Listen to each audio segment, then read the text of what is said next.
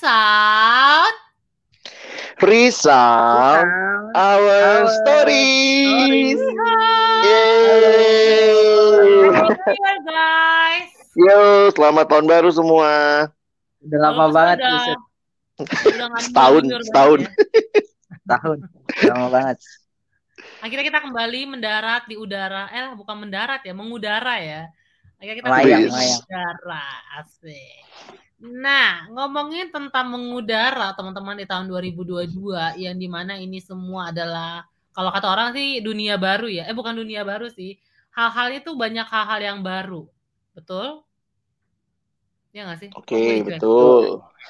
Omikron Nah, baru. ada yang bilang pingin Omikron. punya resolusi baru, pingin resolusinya tuh banyak, pingin ke kapo eh, apa namanya KP Kodia, apa sih namanya guys? Kapadokia, Ya Kapadokia. itulah maksud gue ya kan. Turki, Turki.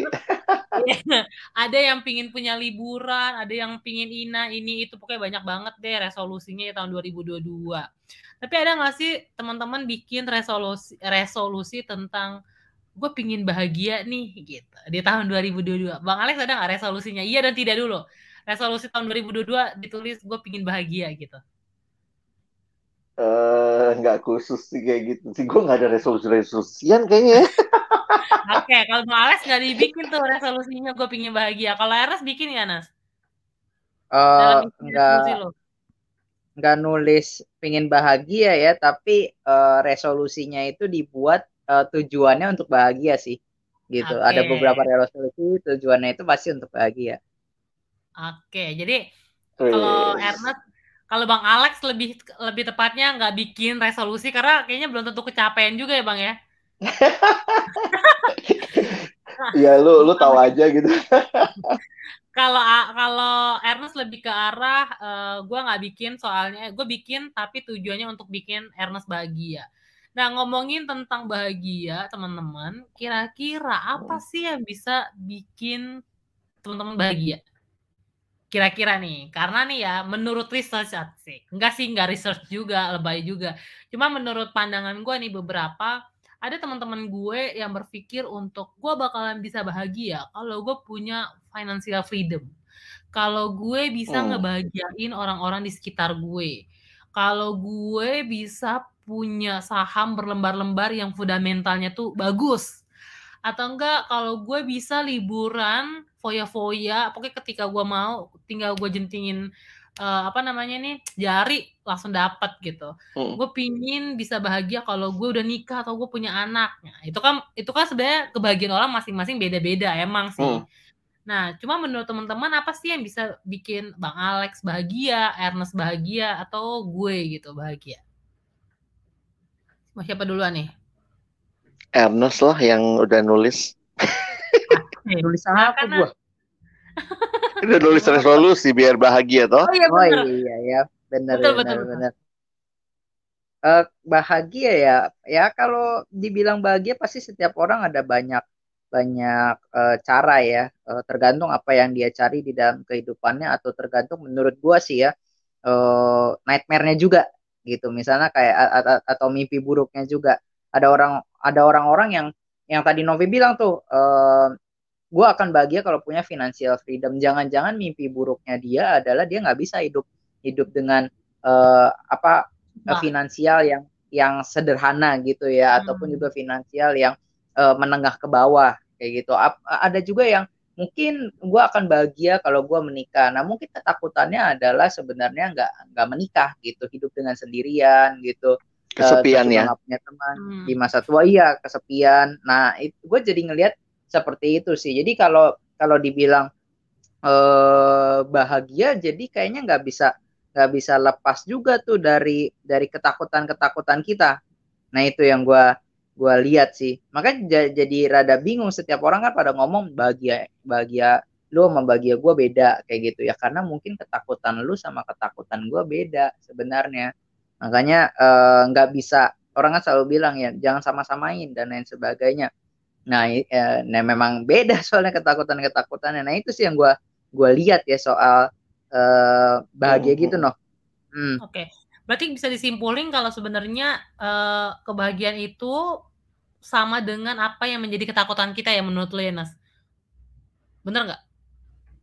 uh, beda sih uh, pasti beda tapi tapi uh, kita mencari kalau kita nggak mendapatkan kebahagiaan itu uh, uh, apa cuman cuman dua gitu kita mendapatkan kebahagiaan atau kita uh, akhirnya hidup di dalam mimpi buruk gitu nah ya. itu itu yang gue gue pikir uh, uh, seperti itu jadinya mungkin nggak gini Soalnya, nas uh, ketakutan-ketakutan kita itu sebenarnya menunjukkan hal apa yang kita cari untuk bikin kita bahagia kali ya? Ya itu maksud gue, bener ya, itu? Iya iya iya, iya begitu okay, begitu okay. begitu. Ya emang agak takut, rumit ya. Kita takut ya. ini ya, filsuf filsuf ya. Takut kesepian, makanya ya, pengennya mau merit karena dianggap kalau merit nggak kesepian bahagia gitu ya. Ah. Tapi bukan berarti teman-teman yang menikah itu uh, kita mengasumsikan bahwa mereka takut sendiri. Enggak ya. Enggak enggak gitu kan Bang ya maksudnya ya. Enggak juga sih ya. Kalau ya. kayak begitu akhirnya kan pernikahan jadi sangat egoistik sebenarnya. Ya. Nah, betul, setuju. Nah, kalau menurut gue bahagia itu sama sih kayak teman-teman. Uh, gue setuju tuh sama statementnya si Ernest. Ini kita masih ngomongin tentang definisi bahagia buat teman-teman ya. Kalau menurut gue sih bahagia itu adalah sesuatu yang apa ya yang lu juga bisa puas ketika lu ngedapetin itu gitu kayak lu bener-bener sesuatu yang bisa menyenangkan lebih dari sekedar makan enak gitu loh. Itu menurut gua kepuasan gue berpikir segala sesuatu itu yang kepuasan sejati sih. Maksudnya kayak hmm. ketika lu ngedapetin itu tuh aduh ini ini nggak akan bisa gue beli nih kebahagiaan itunya gitu. Jadi kayak misalnya lo ngebantuin seseorang aja lo sebenarnya itu kan nggak bisa dibeli ya ketika lo benar-benar ngebantuin orang yang yang sulit. Dan lu sebenarnya juga sulit tapi lu bisa merelakan sesuatu misalnya berbagi dengan apa yang lu punya itu juga satu hal yang membahagiakan sih sebenarnya. Intinya kalau gue adalah sesuatu hal yang lu nggak bisa beli tapi lu bisa ngedapetin itu gitu. Bingung kan? Nanti gue jelasin. Asik. Lanjut ke bang Alex. Pusing-pusing gue agak susah kalau bicara definisi bahagia itu sebenarnya satu situasi yang stabil yang hmm. yang aman, yang tenang, yang nyaman atau mungkin kalau kayak ke bahasa kita gitu ya, uh, shalom. Jadi shalom itu kan damai sejahtera yang meliputi kondisi fisik, kondisi rohani, kondisi mental, kondisi spiritual. Jadi menyeluruh gitu. Menurut hmm. gue sih itu ya. Karena gue ngeliat juga, gue ngeliat ya kalau duit bikin bahagia banyak orang kaya nggak bisa tidur karena nah, mikirin duitnya di mana-mana gitu ya. Jadi maksudku uh, apa ya kondisinya tuh tidak hanya berkaitan dengan hal-hal fisik aja gitu. Misalnya saya punya ini, saya mencapai ini, bahkan juga tidak hanya berkaitan sama hal-hal yang mungkin uh, achievement ya di dalam hidup. Hmm. Misalnya tahun ini gue di kerjaan naik jabatan promosi. Ada orang begitu dapat promosi jadi ketakutan. Hmm. Jadi ya itu maksud gue iya nggak siap. Terus ternyata waktu dia dapat promosi temennya enggak. Dia di dongkel-dongkel dari bawah dicari-cariin kesalahannya. Jadi sebenarnya bahagia itu adalah kondisi yang seluruh aspek yang kita jalani dalam hidup itu berada dalam kondisi yang stabil. yang seharusnya lah stabil. Hmm. kira-kira gitu ya kalau yang yang gue bayangin sih. Oke Nah, kalau ngomongin itu kan definisi ya, walaupun sebenarnya kita agak sulit untuk ngomongin definisi bahagia. Setiap orang emang beda-beda dan definisi bahagia juga agak absurd sebenarnya. Nah, kalau misalnya menurut teman-teman apa sih yang bisa buat kalian itu ngerasa bahagia? Kalau gue, gue dulu yang jawab. Kalau gue tadi gue sempet ngobrol sama Bang Alex, terus Bang Alex bilang, "Buset, bahagia lu simple amat." gitu. Iya, emang gue anaknya sereceh itu ya. Tapi itu sulit rupanya teman-teman. Gue ngomong Bang Alex, apa sih yang bisa bikin gue bahagia? Pada akhirnya gue berpikir ketika gue bisa hidup di dalam Tuhan sih. Itu kelihatannya kayak ah sorohani banget loh gitu. Tapi di pengalaman sedikit pengalaman sih dulu waktu gue kecil uh, enggak lah ya remaja lah ya remaja dewasa lah ya gue sempat berpikir kalau gue bisa liburan ke negara itu satu negara gue pasti bakal bahagia nah itu dulu tuh dan waktu gue kerja gue fokusnya akan pergi ke tempat itu Nah singkat cerita, gue emang sengaja ulang tahun gue ngerayain ulang tahun gue sama temen gue pergi ke luar negeri ke negara itu dan gue seneng gitu. Gue gue gue seneng tapi uh, seneng aja gitu kayak kayak achievementnya dapat lah ya. Tapi gue tidak mendapatkan kebahagiaan ketika gue bisa hidup di dalam Tuhan gitu. Maksudnya uh, ketika gue kayak ngerasa tetap aja sih ada yang kurang gitu Nah, tapi ketika gue bisa hidup di dalam Tuhan, ketika gue tahu apa yang Tuhan mau untuk gue lakukan, ketika gue tahu Tuhan nyuruh gue ngapain, walaupun kadang-kadang suka, ya ampun Tuhan kok perjalanannya gini, tapi end the end itu gue tetap bisa ngerasain penyertaan dan kebahagiaan yang yang tadi gue bilang gitu, yang nggak bisa gue beli. Intinya sih gitu. Itu ya itulah kebahagiaan buat gue. Buat teman-teman gimana? Ernest, Bang Alex? Gue suka ini, Nov, uh, menarik uh, dengar kata-kata orang kan kalau kalau orang tuh ngomong gini bahagia itu sederhana. Kalau yeah. memang bahagia itu sederhana, harusnya semua orang udah bahagia gitu ya. Kalau memang ya. bahagia itu uh, sederhana, kenapa ada orang tuh yang udah kaya kayak gitu ya, udah punya segalanya, udah tenar, tapi masih terus terus terus terus mencari kayak gitu ya, seolah-olah nggak nggak bahagia seperti itu. Nah itu itu yang kadang-kadang uh, sebuah apa ya uh, ironi iya kayak gitu tapi, tapi juga kayak uh, paradoks juga kali ya kayak gitu. Yang hmm. seperti itu sederhana bagi itu sederhana tapi gua kejar terus sampai sampai gua mati kayak gitu. Dan sampai mati pun kadang belum dapat dapat jadi sederhana atau enggak? Nah gue jadi ngelihat ada ada ada kebahagiaan kebahagiaan kecil kayak gitu. Dan ada kebahagiaan yang yang ultimate gitu. Yang yang yang uh, harus dimiliki kayak gitu. Yang yang paling besar yang di mana akhirnya ketika orang orang nggak mendapatkan hal itu itu terus terus dicari kayak gitu. Tapi ada lagi kebagian-kebagian kecil kayak ngelihat senyum orang kayak gitu ngelihat uh, anak kucing main kayak gitu. Ataupun juga uh, nongkrong kayak gitu ya di warung kopi di waktu senja dan lain sebagainya. Dan kita uh, menyebutkan itu sebagai uh, bahagia gitu ya. Bahagia itu sederhana Nah itu yang yang menurut gue uh, menarik sih. Kadang-kadang orang uh, bisa bilang seperti itu, tapi di dalam hatinya gunda gulana gitu ya. Gunda gulana nggak men belum menemukan uh, di mana sih kebahagiaan uh, sejati tersebut ya gitu. Kalau ditanya definisi uh, kebahagiaan apa sih kayak gitu. Nah itu itu yang yang memang rada sulit ya karena itu kan sebuah sebuah memang sebuah situasi gitu ya. Memang uh, bu, tapi bukan situasi sih gitu uh, bisa orang bahagia tapi situasinya uh, uh, menyeramkan kayak gitu ya. Situasinya tuh porak-poranda tapi bisa bahagia. Itu, itu tuh lebih kepada uh, apa ya kondisi batin kali ya gitu.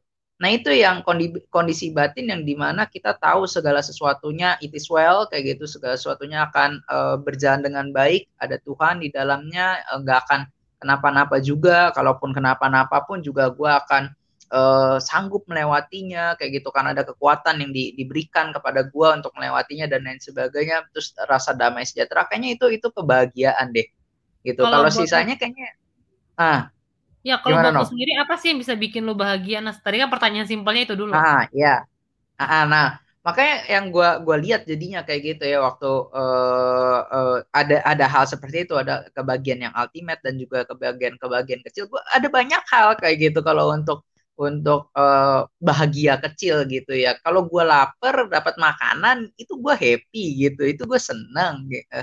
Tapi kak, tapi apakah itu itu bahagia yang yang terbesar di dalam kehidupan gue? Nah itu itu itu itu jadi jadi pertanyaan. Memang akhirnya waktu gue cari-cari gitu ya, apa sih yang seharusnya menjadi sumber bahagia gue kayak gitu. Ini gue lagi bukan yang mau sok-sok rohani gitu ya, eh, seperti yang Novi bilang tapi kalau gue cari sumber sumber kebahagiaan misalnya dari financial freedom, uh, misalnya dari situ, itu pun juga nggak nggak kokoh kayak gitu. Itu nggak nggak nggak tetap atau lebih tepatnya itu tuh itu uh, uh, fana uh, sifatnya. Suatu bisa diambil dari gue. Nah masa iya kebahagiaan gue yang terbesar mau gue pertaruhkan kayak gitu ya, gue percayakan kepada hal yang uh, tidak uh, kokoh kayak gitu ya, yang tidak tetap Nah akhirnya mau nggak mau kayak gitu ya dan akhirnya setelah merenung-renung nggak ada pilihan lain. Salah satu saat, saat, saat, memang nggak ada pilihan lain. Eh, yang pertama, yang kedua memang benar. Eh, mau nggak mau tuh kebahagiaan itu berasal dari dari Tuhan itu sendiri gitu di mana akhirnya gue bisa memiliki relasi pribadi dengan Tuhan karena itu yang akhirnya tersisa gitu di dalam kehidupan gue kalau gue nanti mati kayak gitu kalau gue sumber kebahagiaan kecilnya itu semua dicabut dari gue Terus pertanyaannya apa yang tersisa dari gue? Karena semua kebahagiaannya udah dicabut. Nah, satu-satunya yang yang uh, kalau dalam kekristenan kayak gitu ya, uh, di Roma 8 ya Bang, kayak gitu yang di mana uh, malaikat gak bisa nggak hmm. bisa mutusin kasih Tuhan ketelanjangan uh, sakit kayak gitu pedang hmm. dan lain sebagainya itu yang akan terus membekas itu yang akan terus uh, ada di dalam kehidupan gue nah itu sih jadinya uh, itu itu in, ini ya apa yang yang ultimate. Meskipun betul betul. Kadang-kadang di dalam kehidupan gue ada gue cari kebagian-kebagian yang kecil-kecil itu. Kayak gitu. Tapi ketika akhirnya kebagian kecil itu nggak terpuaskan gue akan balik lagi sih ke kebahagiaan yang ultimate itu. Karena gue udah diberikan kebahagiaan ultimate itu secara uh, bukan cuma-cuma ya anugerah. Kayak gitu di, di, diberikan yang uh, oleh Tuhan. Nah itu sih jadinya. Jadi gue nggak perlu usaha lagi. Kalau orang bilang bahagia itu sederhana Yesus tawarkan kebahagiaan itu nah kita kadang-kadang kita ya. kerja keras kayak gitu, uh, banting tulang kayak gitu untuk mendapatkan kebahagiaan itu padahal yang selama ini terjadi adalah Yesus yang banting tulang supaya akhirnya kita bisa menikmati kebahagiaan yang dia tawarkan. Nah itu sih yang gue lihat sih ya Nok ya. Itu. Kalau dari Bang Alex sendiri gimana Bang? Wah, gue mau tinggal amin. amin aja ini ya. Tinggal amin gue nih. Udah. Enakan Bang. Udah dua dua pandangan yang sangat baik gitu ya. Kalau gue coba merangkum, mungkin gue pakai sisi yang lain kali ya. Uh, untuk me me melihat bahwa sebenarnya kalau kita balik lagi tentang Tuhan, Tuhan itu yang menciptakan kita. Dan Tuhan itu sumber kebahagiaan. Dan Tuhan itu sejak awal menciptakan kita, dia mau kita bahagia.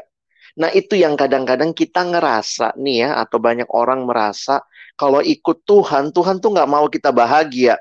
Kalau ikut Tuhan tuh kayaknya nggak bakal bahagia. Tuhan tuh kayaknya nyetop-nyetopin kebahagiaan. Tuhan tuh anti sama kesenangan. Padahal Tuhan sumber sukacita, sumber kesenangan, sehingga nah, nanti kemudian kita mesti lihat ya, kalau betul Tuhan tahu kita dia cipta untuk menikmati kebahagiaan, keindahan, keintiman dengan dia selama-lamanya, maka nah sekarang kita jadinya mesti memahami begini. Berarti ada banyak hal dalam dunia ini yang Tuhan berikan untuk memuaskan kita. Tapi mungkin kalau pakai istilah Ernest tadi, itu kepuasan-kepuasan kecil yang yang bersyukur misalnya lapar ada makanan Tuhan berikan ya itu waktu habis makan kan kenyang. Emang itu kepuasan itu kebahagiaan. Jadi sesuai dengan kesempatan yang diberikan kepada kita maka Tuhan juga memberikan apa yang kita butuhkan untuk supaya kita bahagia. Tapi di sisi lain kita tahu bahwa setelah manusia jatuh dalam dosa, nah maka kebahagiaan-kebahagiaan yang kecil itu pun bisa disalahgunakan yang harusnya membahagiakan kita misalnya ya makan secukupnya jadi makan rakus lalu kemudian merasa bahwa makan itu ya dia bisa nikmatin banyak hal dengan kapasitas tubuh yang terbatas sehingga akhirnya ya kebahagiaan itu menjadi sesuatu yang tidak pada tempatnya. Nah, tapi yang menarik tadi ya kalau Ernest bilang soal ultimate uh, kebahagiaan yang sejati gitu ya, kebahagiaan yang uh, ultimate happiness. Maka aku ngelihatnya begini ya, benar kayak Novi bilang tadi, saya very simple. Ya ultimate kebahagiaan itu di dalam Kristus. Nah, kenapa itu benar gitu ya dalam pengalamanku melihat bahwa ketika Tuhan menciptakan kita, ternyata Tuhan menanamkan di hati kita akan keinginan untuk bisa mengalami kepuasan jadi sebenarnya Tuhan menciptakan kita itu dengan relasi yang kita akan alami ada dua hal nih. Relasi yang memuaskan dan relasi yang kekal. Aku ulangi ya. Relasi yang memuaskan dan relasi yang kekal. Contohnya apa? Bahwa ke, kita tuh maunya makan. Ya, misalnya kita lagi pengen makan gitu ya. Kita butuh sesuatu berelasi dengan makanan supaya kita kenyang. Tapi habis kita kenyang, kita bisa lapar lagi. Nah, jadi ternyata Tuhan memberikan di dalam hati setiap kita keinginan untuk menikmati relasi yang sangat memuaskan dan yang membuat kita menikmati dalam kekekalan. Nah, relasi yang seperti ini itu tidak mungkin ditawarkan oleh dunia ciptaan. Karena itu semua yang kategorinya ciptaan nggak bisa memuaskan terus-menerus dan memuaskan secara kekal. Hanya sang pencipta yang bisa memuaskan kita terus-menerus dan kekal. Nah, tapi jangan mengatakan bahwa yang lain itu kepuasan-kepuasan itu enggak enggak ada, enggak ada. Tuhan ciptakan, tapi kepuasan-kepuasan itu setelah kita puas, besoknya cari lagi. Puas, besoknya cari lagi. Kayak makan ya, hari ini kenyang, habis makan, nanti lapar lagi. Nah, yang kita butuhkan dalam batin yang terdalam itu relasi yang kekal dan memuaskan terus-menerus. Nah, itu tuh hanya bisa didapat di dalam Kristus. Makanya kalau aku mencoba memformulasikan sedikit bahasa yang tadi Ernest bilang, hanya ketika kita telah menemukan kepuasan yang sejati di dalam pencipta kita, dalam hal ini Tuhan Yesus Kristus yang sudah datang ke dalam dunia, barulah sebenarnya kita pun bisa memaknai semua kepuasan-kepuasan kecil kita yang lain yang waktu kita menikmati dapat makanan, kita syukurnya sama siapa? Syukurnya sama Tuhan. Waktu kita bisa menikmati promosi jabatan, kita bisa menikmati karena habis promosi paling satu dua minggu euforianya terus pengen naik lagi, pengen naik lebih tinggi lagi. Tapi kita akan tetap bisa memaknai. Nah bayangkan kalau kita nggak menemukan ultimate-nya itu, kepuasan sejatinya itu yang Novi bilang di dalam Tuhan, lalu kemudian kita pikir dengan naik jabatan kita senang. Nanti habis naik jabatan kosong lagi tuh. Nanti habis makan enak kosong lagi tuh hati. Tapi kalau kita udah puas dengan Tuhan, maka kita yang bisa memaknai setiap kepuasan-kepuasan yang kita alami yang singkat-singkat dalam hidup yang sementara dan tidak kekal ini. Nah, kira-kira gitu sih. Jadi gue berharap mungkin uh, gimana Nov? Ya. Bisa dipahami? Uh, kalau yang gue lihat akhirnya jadi kayak lu mau bilang gini nggak sih bang? Intinya itu kita harus menikmati Allah dulu sehingga ketika kita dapetin yang namanya uh, kebahagiaan-kebahagiaan kecil itu tuh jadi melengkapi doang. Bukan berarti ketika Betul. ketika kita punya dapetin yang kecil-kecil ini akhirnya kalau kita nggak puas sama yang yaitu yang Allah itu sendiri yang akhirnya utama. jadi merasa ini enggak sih terlalu obses gitu bukan ambisius gitu ya akhirnya kayak pingin meraup semuanya yang untuk memuaskan yang besar itu Padahal yang besar itu ya hanya Allah sendiri, sang pencipta sendiri yang Dan, bisa menyenangkan gitu, ya nggak sih? Iya. Dan kita tuh sering kali ngerasa tujuan akhirnya tuh kepuasan kecil tadi. Itu kan bodoh hmm. banget.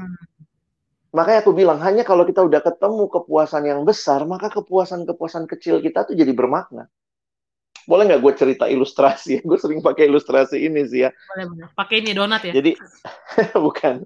Jadi ini cerita kalau misalnya lagi ada ada keluarga nih ya, mereka mau tamasya ke taman safari ya. Jadi kemudian naik mobil lah masuk tol, bapak, ibu, anak dua gitu ya, mau menuju ke taman safari. Wah sepanjang jalan mereka udah excited banget. Nah terus keluar tol di Ciawi menuju ke taman safari terus mereka lihat ada papan billboard besar Wih, papan itu tuh tulisannya Taman Safari. Lalu di situ ada gambar gajah, ada gambar burung, ada gambar beruangnya, ada gambar singanya, harimaunya. Lengkaplah gambar itu semua. Dan kemudian mereka lihat, wih, kita udah nyampe Taman Safari. Mereka berhenti dong di bawah billboard itu. Bapaknya stopin mobil di situ, anaknya, istrinya duduk, gelar makanan sambil lihatin billboard Ternyata waktu mereka lihat di bawah billboard itu tulisannya gini, Taman Safari tanda panah 10 km lagi. nah, banyak kita tuh camping di kepuasan-kepuasan kecil. Sehingga kita tuh nggak nyampe sebenarnya. Nah, kalau kita sampai ke safarinya, maka waktu kita lihat gambar itu, itu jadi bermakna. Tuh, itu yang ada di kepuasan sejati. Jadi, jujur aja ya kalau kita mau mengatakan dengan buat kita yang sudah ketemu tujuan yang sejati. Setiap kali kita menikmati kebahagiaan kecil, itu sebenarnya hanyalah papan penunjuk kepada kepuasan yang sejati. Tapi itu ya, jangan sampai kita jadi manusia-manusia yang hanya camping di bawah billboard dan merasa itulah tujuan kita, saya sudah bahagia kebahagiaan yang Tuhan janjikan tuh lebih indah. Tuhan tuh nggak anti kebahagiaan. Kira-kira gitu sih ya. Hmm, oke, okay, I see. Oke, okay. uh, eh, ini menarik sih menurutku. Maksudnya kayak ya mungkin jadi pertanyaan kita di awal tahun masih bisa dibilang awal tahun lah ya karena kita masih di Januari gitu. Saya pertanyaannya adalah sebenarnya kita udah di mana nih? Ya nggak sih? Kita masih ada di billboard itu kalau misalnya ngelihat dari ilustrasi Bang Alex. Atau sebenarnya kita udah ada di sedang menuju lah ya. Kalau misalnya dibilangin kita udah ada di apa namanya? Taman di Taman Safarinya kayaknya gimana banget gitu. Apakah kita justru jadi kayak mau pergi ke Taman Safarinya untuk melihat kebahagiaan itu hmm. gitu? Iya nggak sih? Iya. Itu menarik nih. Gimana Ernest nih, filsuf kita? Mungkin ada kesimpulan. kata penutup nih, kata penutup. Kata penutupnya ilustrasinya bagus bang, lanjutkan bang. Kalau gue mungkin kata penutupnya ini kali ya, ya semangat di awal tahun guys. Jadi uh, tujuannya jangan di bawah billboard, jangan jangan berkemah di bawah billboard, karena di Taman Safari lebih bagus dan lebih indah ya dibandingkan di bawah billboard ya. Betul betul. Ya mungkin akhirnya buat kita semua teman-teman silakan setting your goal gitu ya tahun ini. Dan mungkin kalau kamu mencapai itu kamu bisa merasakan kebahagiaan. Tapi ingat kebahagiaan sejati sebenarnya jauh lebih indah ketika kita memang sudah seperti Novi bilang simple sekali. Aku bahagia kalau aku di dalam Tuhan. Karena memang dengan kalau uh, si C.S. Lewis ya Nes ya yang bilang um, ketika matahari itulah gimana kalimatnya Oh ini Dikit apa uh, kenapa dia percaya ke Kristenan ya? Justru yeah. Iya. uh, apa karena karena dengan matahari aku bisa ngelihat segala sesuatu yang lainnya.